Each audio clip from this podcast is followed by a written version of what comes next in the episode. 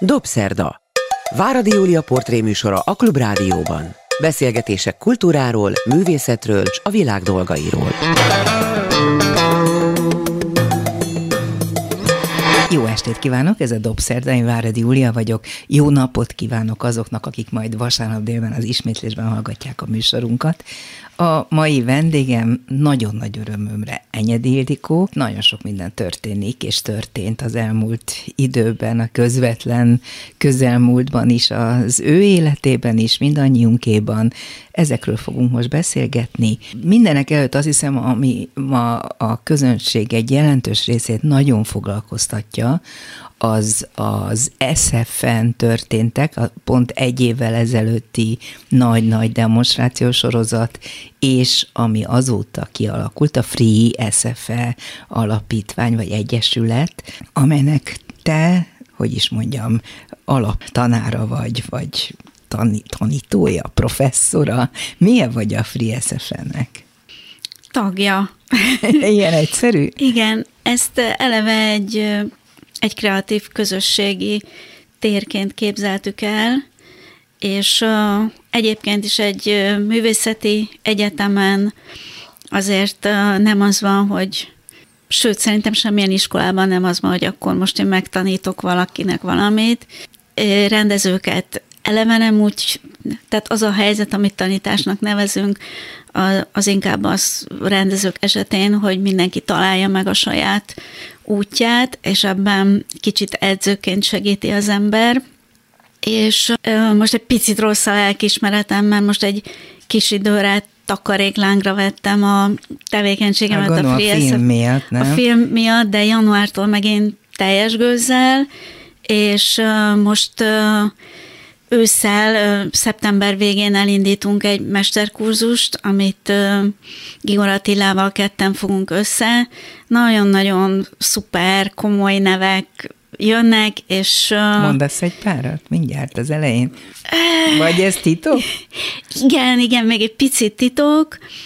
Uh, tulajdonképpen mivel tavasszal egy, egy elég illusztris listát uh, közzétettünk, most kialakult, hogy ki az, aki ősszel ráér, és aztán lesz egy tavaszi.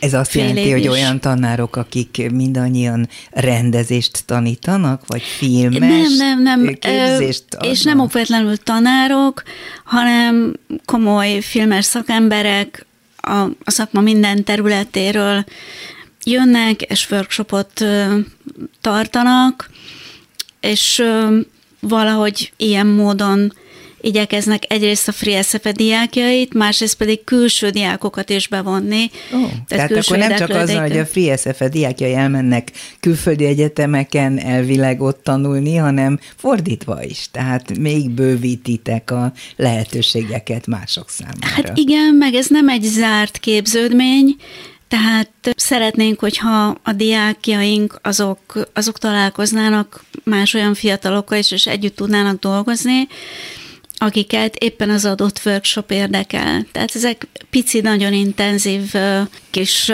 adagok, nagyon komoly nevektől.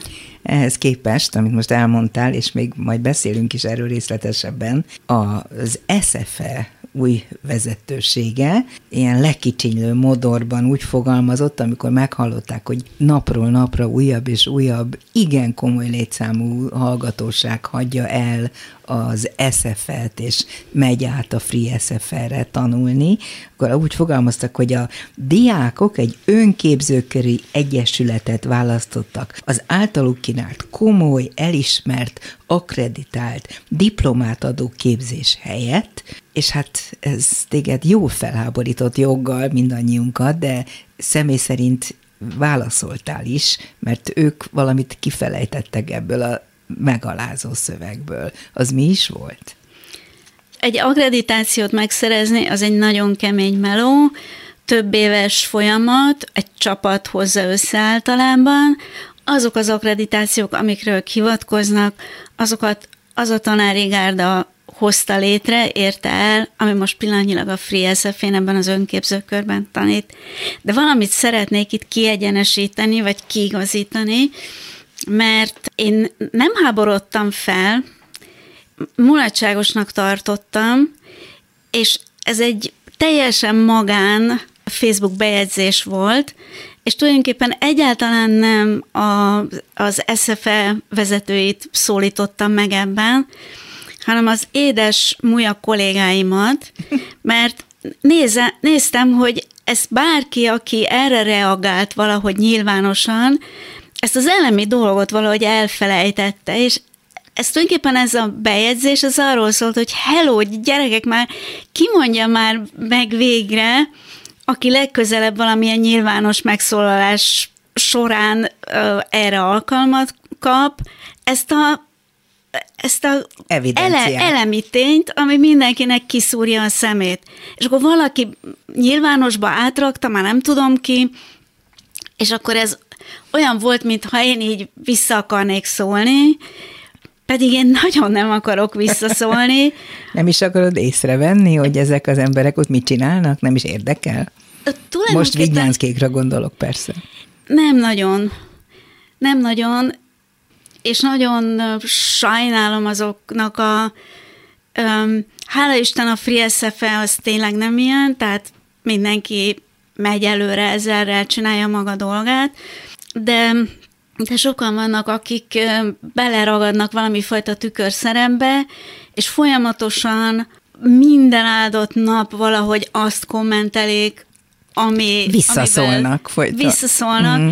és megy el ez a gyönyörű szép élet, ilyen marhaságokkal, viszont valami nagyon érdekes, hogy mondjam, mellékszála van ennek, tulajdonképpen megmutatja, hogy milyen hihetetlen erős szakmánk van, nem is csak a filmkészítői, hanem tulajdonképpen a dramaturgi szakma. Mert? Mert, mert lényegében ugyanazokat a tényeket, hogyha másképp meséled el, tehát más a narratíva, egy más narratívába öltözteted, akkor lám-lám, már is egy, egy vacak kis önképzőkör, hiába van ott egy olyan tanárgárda, ami meg azt a nagyon illusztris, akreditált, államileg elismert képzés létrehozta, stb.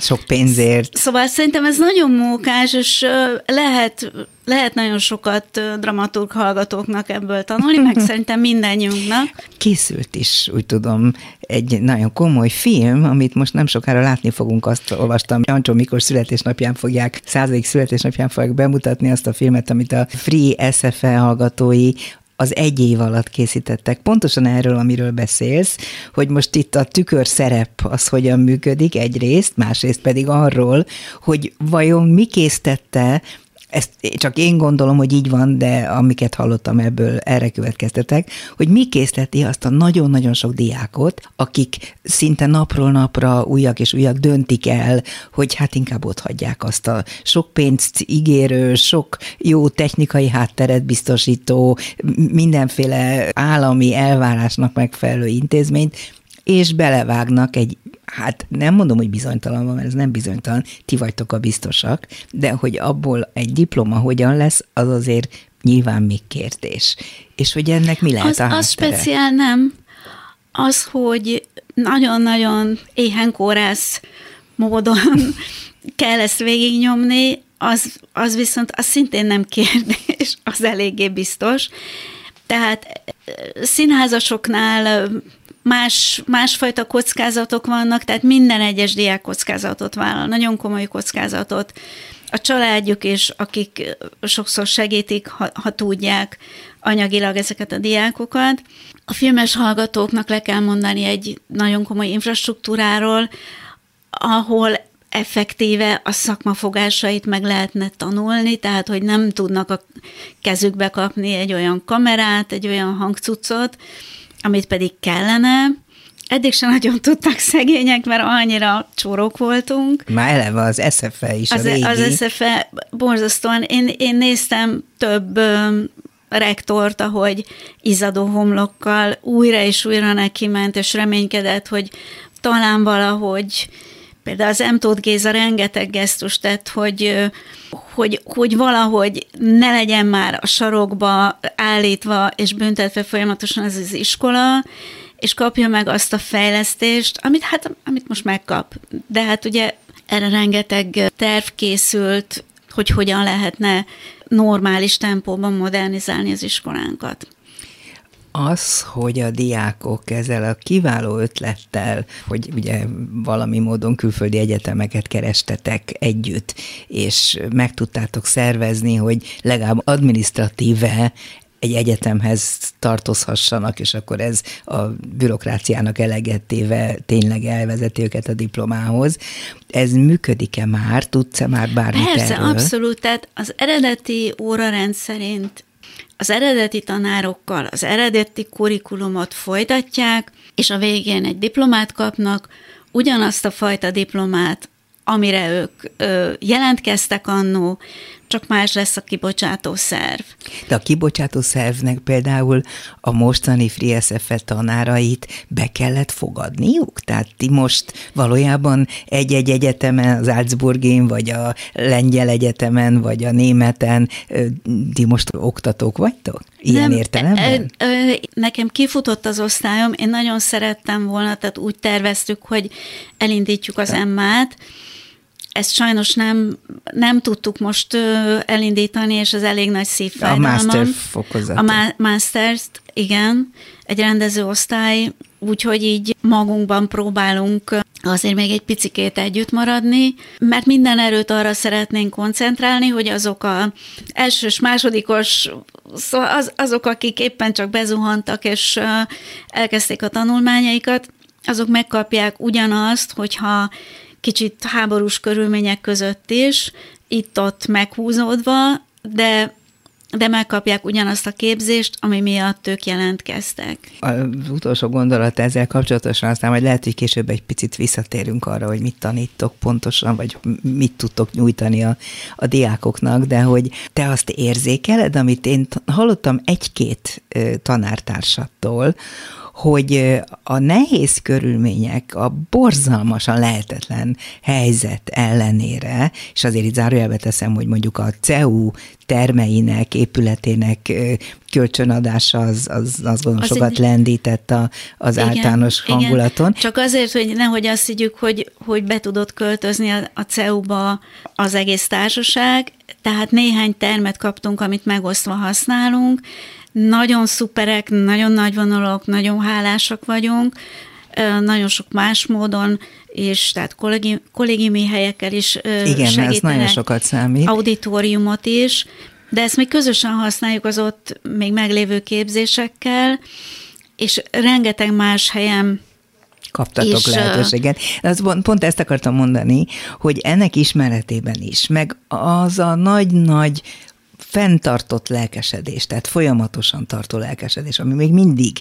kíséri a Free SFS sorsát, hogy ez az említett tanártársaid szerint valami plusz lelkesedést ad a diákoknak. Tehát azt mondják, hogy mintha könnyebb lenne őket arra koncentráltatni, hogy az, amit tanulnak, az mennyire értékes. E, tehát, most ismerik fel igazán. Van ebben van, valami? Van, van ebben valami, Hagyományosan nagyon-nagyon nehéz a felvételi, tehát több száz emberből jut be hat, és általában egy három hónapos folyamat. Ez alatt egyébként rengeteget tanulnak azok is, szóval ilyen volt. rengeteget tanulhattak azok is, akiket nem hát ez a múlt, igen. vett fel az ember. Minden esetre, amikor ennek a három hónapnak a végén az ember azt mondja, hogy bent van, akkor ez egy nagyon érdekes pszichológia, akkor, akkor nagyon sokan így, így hátradőltek. És, és ez most, ami most van, azt komolyan foggal, körömmel, elmondhatatlan mennyiségű munkaórával nagyon nagy részt a diákok teremtették meg. Ez a sajátjuk, ezt nem kapták, ezt maguknak építik, és nagyon sok beszélgetés volt erről is a fórumokon, hogy ha megalakul a FreeSFE, ez még a, a blokkád alatt, akkor mindannak a tapasztalatait, amit a, a blokkád alatt ez a társaság átélt, az be kell építeni az oktatásba. És nagyon-nagyon egyetértek ezzel, és nagyon nagy öröm volt látni azt a fajta megingathatatlan tisztánlátást, ami, ami a diákokat jellemezte, mint közösséget, tehát, hogy minden hülyeség elhangozhatott, minden zsákutca felmerülhetett, de a közösség egyben kikattogott magából egy mindig konzisztens, következetes, tiszta, világos, és soha nem valamit tükröző, hanem teljesen szuverén álláspontot csak kiegészítve Tarbélával beszélgettem a közelmúltban, és hihetetlen nagy örömmel mesélte el, hogy az ő által meghirdetett kurzus, amit eredetileg három hétre hirdetett, öt hétre kellett kitolnia, mert annyian jelentkeztek, és hogy olyan odaadással, és olyan emberek, akik ráadásul nem is az egyetem, vagy a Free SFE hallgatói, mert nem voltak korábban egyetemisták, tehát, hogy mintha felkeltődött volna az érdeklődés, úgy igazán ez iránt, a szakma iránt, az iskola iránt, a, a, a, a tanárok iránt, ezzel nem azt akarom mondani, hogy hú, de jó, hogy ez így történt, csak hogy örülni kell annak, ami ebből pozitív, azt gondolom. Egyetértek, igen. Enyedi Ildikóval beszélgetek a Dobszerdában. Nagyon örülök, hogy sikerült bejönnöd, Ildikó, mert tudom, hogy ezek a napok igazán nehezek, hiszen elkészült a feleségem története hosszú-hosszú előzmények után, bemutatták Kánban, és most a napokban hamarosan a magyar közönség is láthatja majd és hát én megmondom neked őszintén, és ez most egy ilyen személyes kiegészítés, hogy én olyan mérhetetlenül izgultam, mert nagyon sokra tartlak, és nagyon fontos, hogy, hogy ami te készítesz és csinálsz, az, az jó, és ez a tapasztalatom, és én annyira féltem, hogy a feleségem történetéből tényleg lehet-e filmet csinálni. Rengeteget gondolkoztam ezen, és megnéztem, hát szerintem lehet, azt bizonyítottad be, de nem az én dolgom, hogy én ezt megítéljem. Azt jól tudom, hogy gyerekkorod óta foglalkoztatott téged Füst Milán? Hát inkább kamaszkorom, tehát gimnazista korom óta. Nagyon ritka az a fajta szemlélet, amit ő képvisel, és tulajdonképpen ez a szemlélet az, ami, ami engem felelkesített, és egyszerűen a, a, amiatt a dramaturgiai, ha úgy tetszik, csomagolás miatt, hogy ezt egy, egy nagyon dús történetbe, szét indázó történetbe szőtte bele, de minden egyes, a regény minden egyes mondatában jelen van ez a szemlélet, amit mindjárt megpróbálok valahogy Igen, mert még, még nem pontosan értettem. Hogy... Szóval visszatérve, tehát, hogy azért, azért tartottam ezt a regényt megfilmesítendőnek, mert maga Füstmilán is ebben a regényben azt a fajta gondolkodást, mondom, nyugi Júli, mindjárt meghatározom, vagy megpróbálom magam ö, számára is megfogalmazni, azt a film, ami mégiscsak egy ormótlan műfaj, ormótlan? Film, film számára ö, elérhető szövetben fejtette ki. És tehát e- ezért... Ezt most le kéne ez, egyszerűsíteni, mert nem pontosan értettem. Szóval, ami ez a fajta gondolkodásmód, az az, az én számomra azért lelkesítő, mert nem azt állítja, hogy hogy le kell mondanunk a világról, le kell mondanunk a az életszeretetről. Igen, a saját tökéletlenségünk kilengéseiről ahhoz, hogy idézélben megvilágosodjunk, hanem, hanem bele lehet ebbe menni mélyen, és el lehet benne veszni. Sőt, hogy el is kell benne veszni, nem? Mintha a... inkább ez lenne a, az, a feladat. Ö, hát Na ez a, se a kell, se a feladat nem szerepelhet abban a mondatban, amiben Akkor én erről bocsánat, beszélek. rosszul egészítettem ki. És tulajdonképpen, amikor én gimnazista voltam, akkor tulajdonképpen vagy Hanvas Bélás volt, és általában a leg, legtöbb kamasztársam az Hanvas Bélás volt, és, és nagyon csodálom is, és nagyon, mint embert, mint életet, és hihetetlen gyönyörűnek tartom, de valami engem mindig zavart. És aztán ott volt ez a lehetetlen füstmilán a mindenféle pózaival és teátrális gesztusaival, és ott meg azt éreztem, hogy valami nagyobb szerénység van, csak annyira szerény, hogy ezt el is rejti. Leplezi a tudását, Igen. azt gondolod? Hát azért azt megállapíthatjuk, és gondolom, hogy ezt nem vonja kétségbe senki, pláne ha aki kicsit is tanult irodalom történetet, hogy, hogy Füst Milán tényleg a nyugat egyik legjelentősebb szerzője volt, legnagyobb költői közé sorolható, és... Szerintem sose ahogy... volt igazán a helyén. Mindig egy picit ott ült a szélen. Ja, Igen, én nem is úgy gondolom, hogy az elismertségében volt. Nem, bocsánat, félreértettél. Tehát én azt gondolom, hogy ő ott volt a nyugat közepén, csak nem biztos, hogy elismerték természetesen. Tehát az, hát ez hogy neki ő... örök fájdalma is volt, és én meg is értem, hogy miért, mert, mert egy kicsit olyan, mint aki túllóg a lába az ágyon, hogy túl, túllóg az irodalmamon, és valahogy ilyen kicsit kényelmetlenül vagy nehezebben értelmezhető módon, és, és én nagyon sok kiváló embertől olvastam korabeli, teljesen félremenő kritikákat, például a, a feleségem történetéről is, és ennek, ennek a, a, a Füstmilán nagyon is tudatában volt, hogy valahogy oké, okay, oké, okay, rendben van, ott van, de nem az értékén van kezelve. kezelve. Mm. Nem lehetett egyszerű. Képzeld el, én nálad jóval idősebb vagyok, ezért volt egyszer az életemben olyan szerencsém, hogy a bölcsészkaron első wow. éves egyetemista koromban egy Füstmilán előadást hallgathattam a nagy előadóteremben, ahol tényleg a csilláron is lógtak, ahogy ezt mondani szokták, én nagyon nehezen hallottam, mert rosszul volt hangosítva, de a jelenség maga, ahogy ő előadott, és ahogy figyelt ő a hallgatóságra, az olyan mér, mélyen megragadott, máig emlékszem erre, és nagyon örülök neki, hogy én őt láttam és átéltem ezt. Úgyhogy ő valami hordozott a személyiségében, valószínűleg az írásaiban is ugyanezt, csak azt nem tudom, mindenki ki tudta elbogozni. De te mindenképpen ki tudtad. Hány éves korodban olvastad a feleségem történetét? Nem tudom, másodikos gimnazista voltam. Én nem tudom, hogy ki tudtam-e bogozni.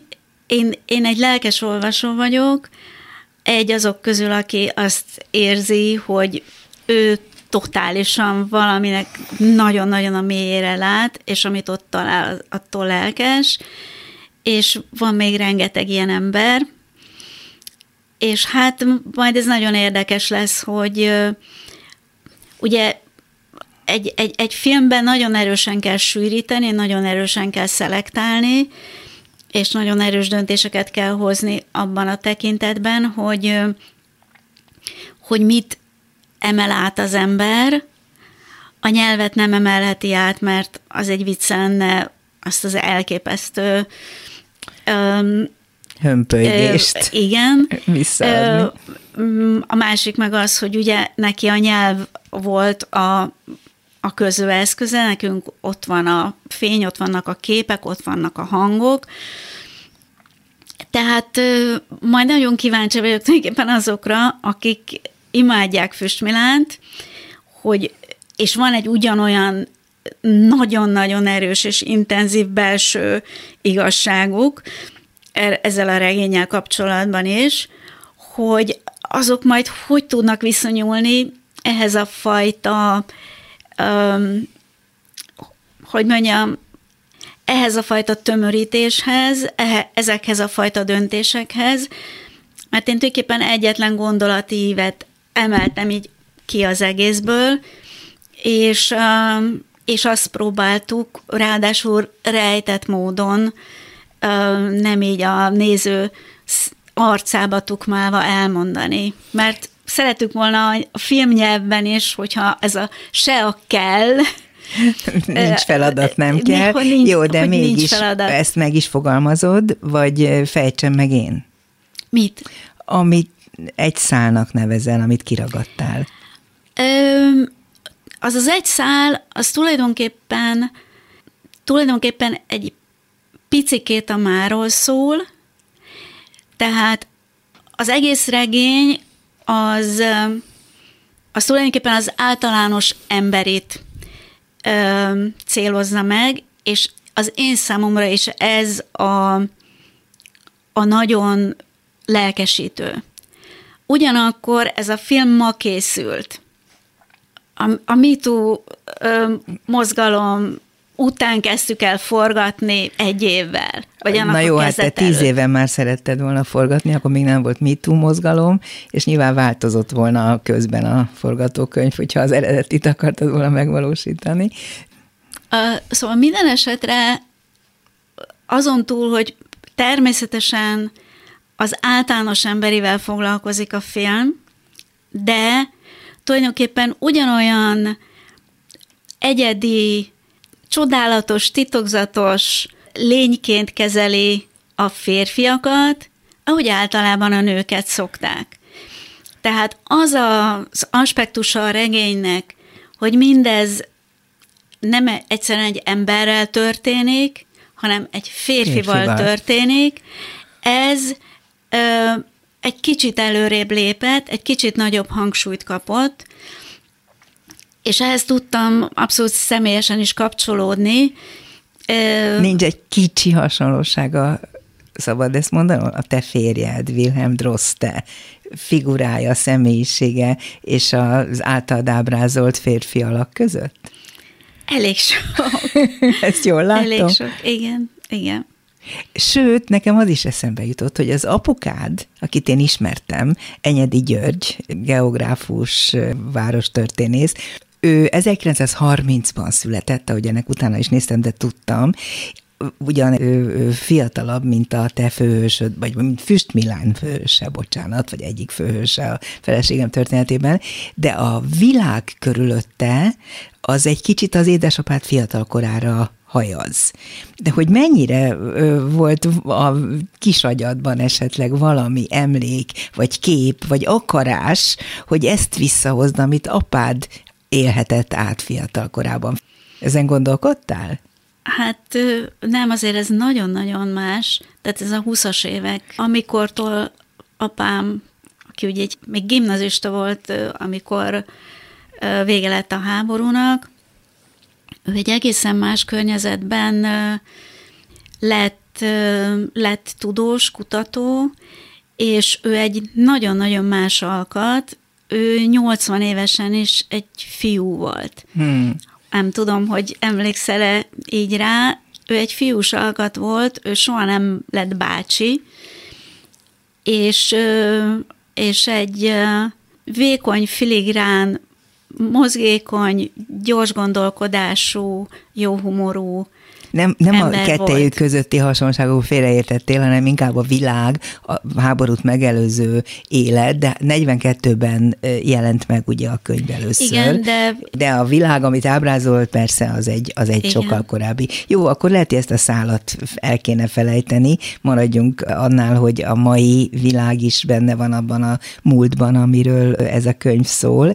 Én ezt elmondom, hogy, de nem biztos, hogy fontos neked tudnod, hogy én is a te korosztályod beli voltam, amikor olvastam először a Füst Milán feleségem történetét, és most döbbentem rá a te filmed láttán, hogy én ezt nem értettem.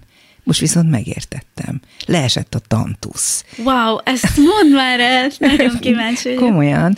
Pontosan arról, de hát én most, hogy mondjam, te vagy a beszélgető társam, és a riport alany is, nem én, de akkor nagyon gyorsan annyit elmond, el, elárulok, hogy amit egy férfi és egy nő közötti viszonyról úgy lehet megtudni, hogy szinte nincsenek igazán kimondott szavak vagy mondatok, hanem mögöttük érzelmek vannak, tekintetek vannak, mozdulatok vannak, azt a Füstmilán megírta ugyan, de én nem tudtam átélni.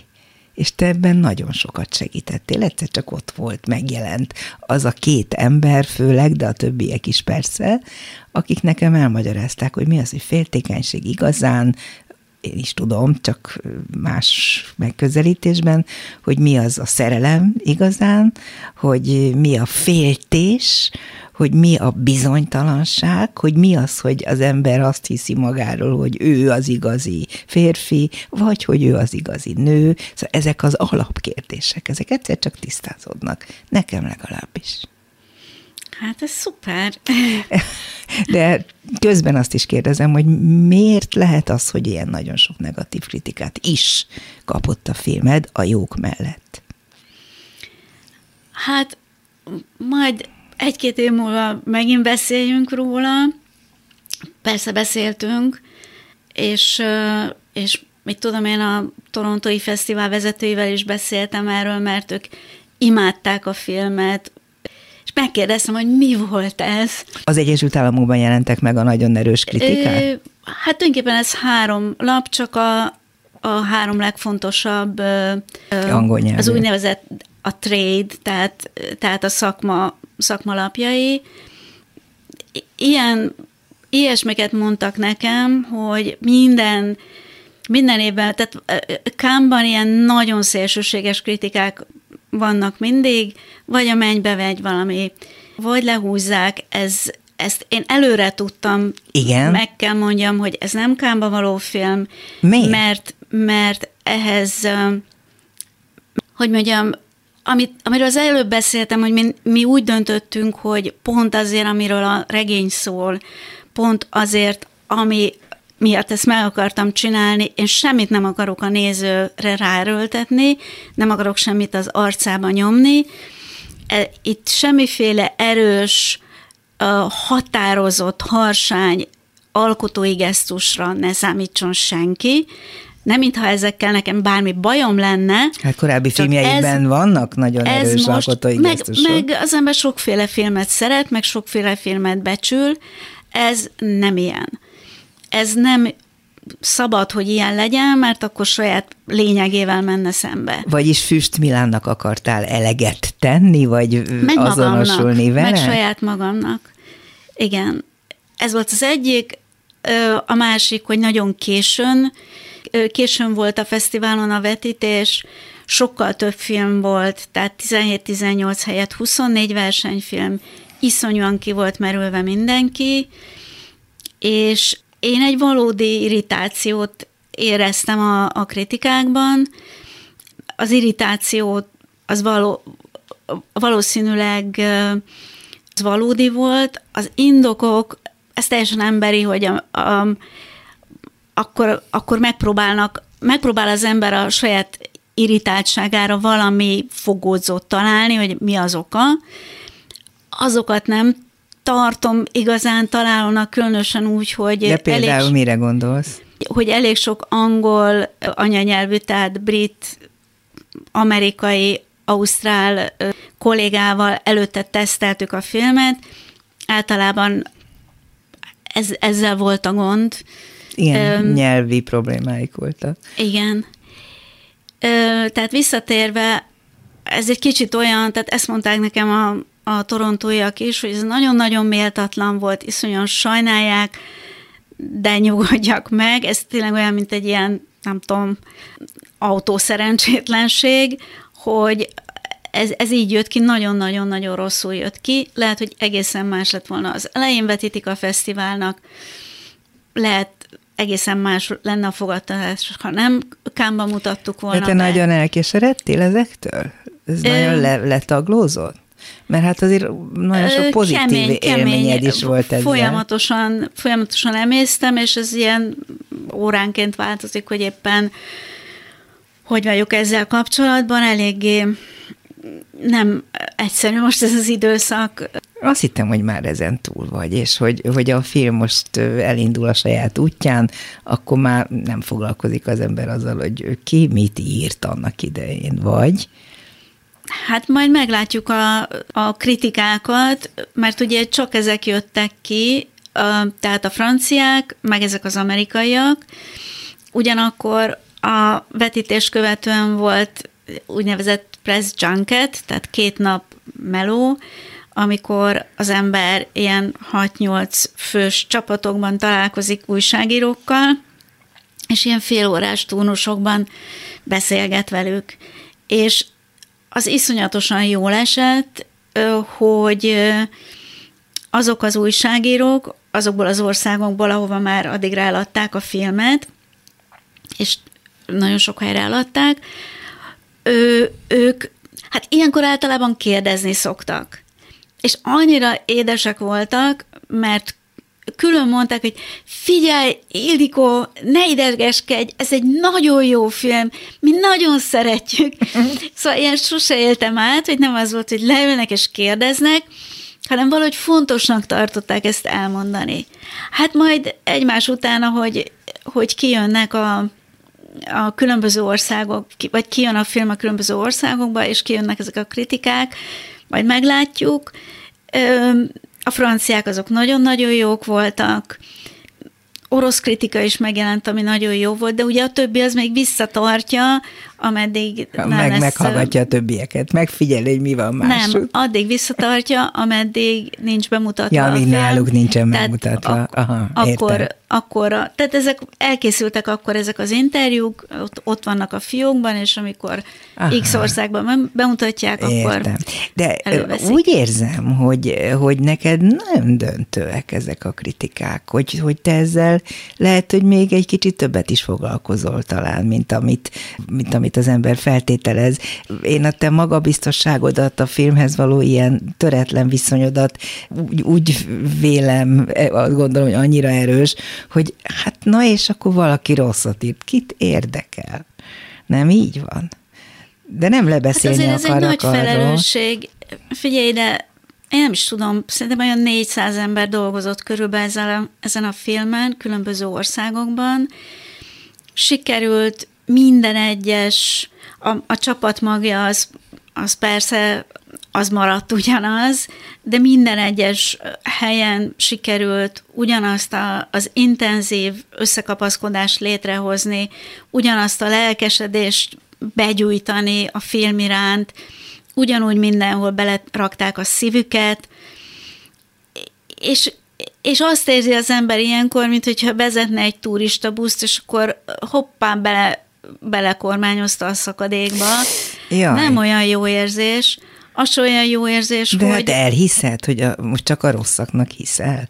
A szakadék azért De ez nem, nem arról szól, arról szól, hogy, hogy milyen lehet a, a filmnek a sorsa. Ez, ezek nagyon-nagyon nagy hatalmú mm. újságok. Nagyon nehéz ezek után úgy megszólalni, hogy tulajdonképpen a torontóiak ezt mondták, tulajdonképpen mindenki azóta, hogy de én ennek ellenére is nagyon szeretem Na, a ugye. filmet, tehát tulajdonképpen bármi meghívást kapok, mindig ott van, hogy mert mi nagyon szeretjük a filmet, tehát valamihez képest, és az a valamihez képest, az, az egy nagyon erős ilyen gyomorszájon volt. Valószínűleg ennek jegyében például szegény producerek egy filért nem fognak keresni, és hát most nem csak a Mitch Monit mondom, aki tényleg azon túl, hogy éjjel-nappal elképesztő keményen dolgozott, de nagyon sokat kockáztatott is, nagyon oda tette magát, de ott vannak a külföldiek, akik az maguk oldalán szintén. Hát nem olyan jó érzés. Mm, értem. Ez tényleg akkor nagy felelősség, ebbe így nem gondoltam bele, és hát nem is az én területem, de egy kicsit azért beszéljünk még a szereplőkről is, meg magáról a filmről.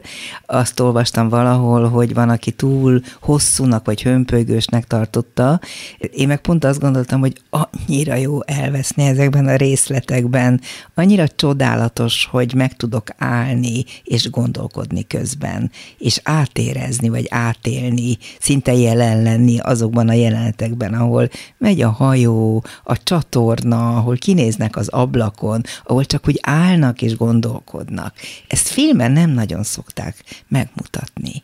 Hát azért most nem, hogy aki hallgatja, azt higgye, hogy itt csak állnak és gondolkodnak. Nem, hát ez egy csak kifejezetten erős sodrású film, ahol egymás után történnek a dolgok. Ez igaz, csak, csak hogy hát vannak... ez egy labirintus, mert hogy egy labirintust írt meg a Füstmilán.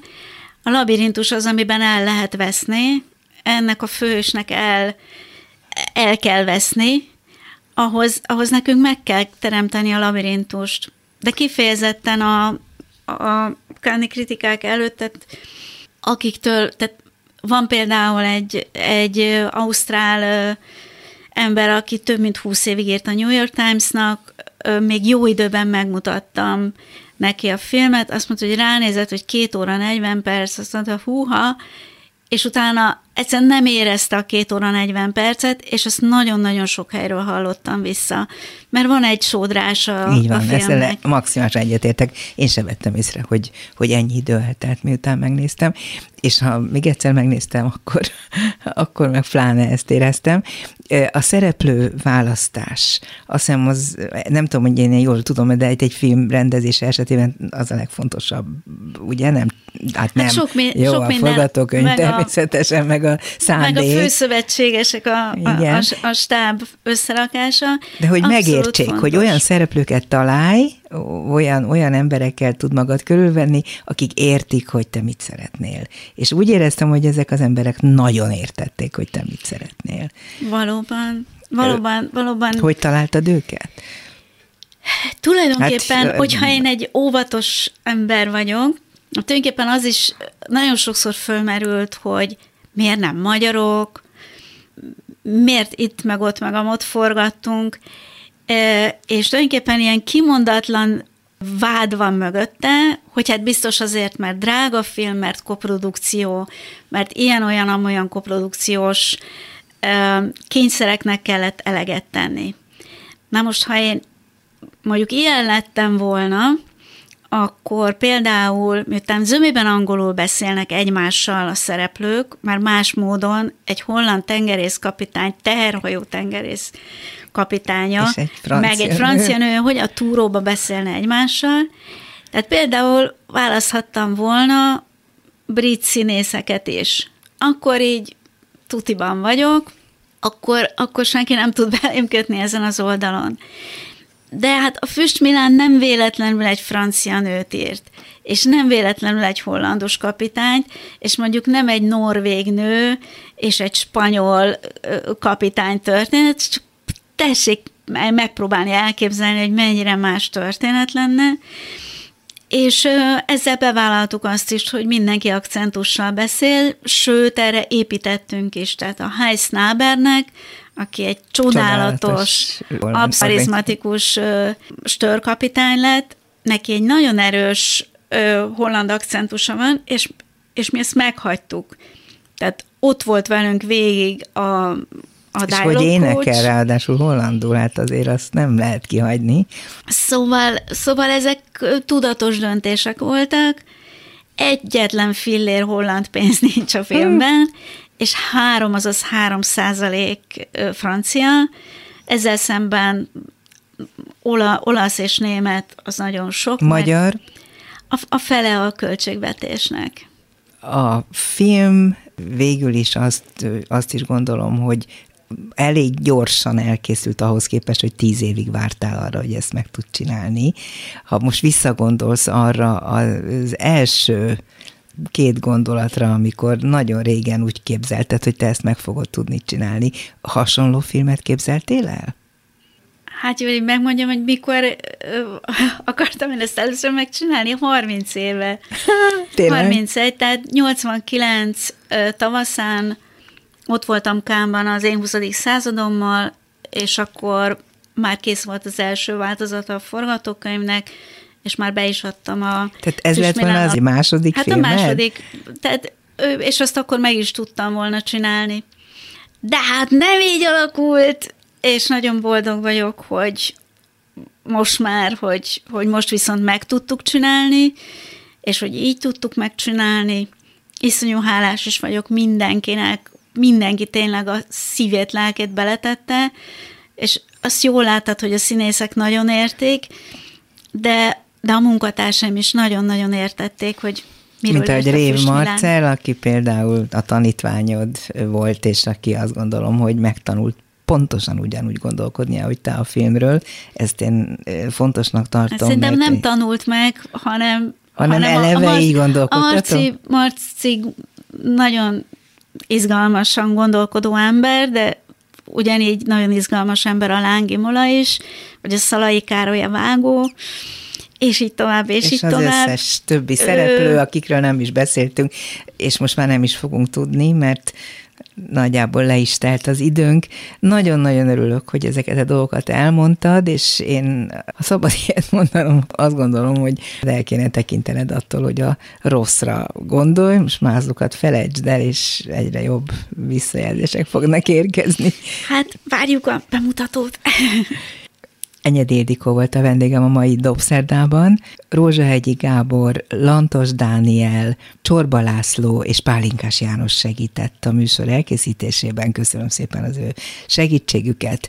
A műsorunkat vasárnap délben az ismétlésben is meghallgathatják, és persze bármikor az interneten meghallgatható, Nézzék meg a hozzávaló képeket és kis illusztrációt, videót. Érdemes, Enyedi Ildikót is láthatják, amikor éppen idejött. A szerkesztő műsorvezető Váradi Júlia volt. Viszonthallásra! Dobszerda. A világ dolgairól beszélgetett vendégével Váradi Júlia.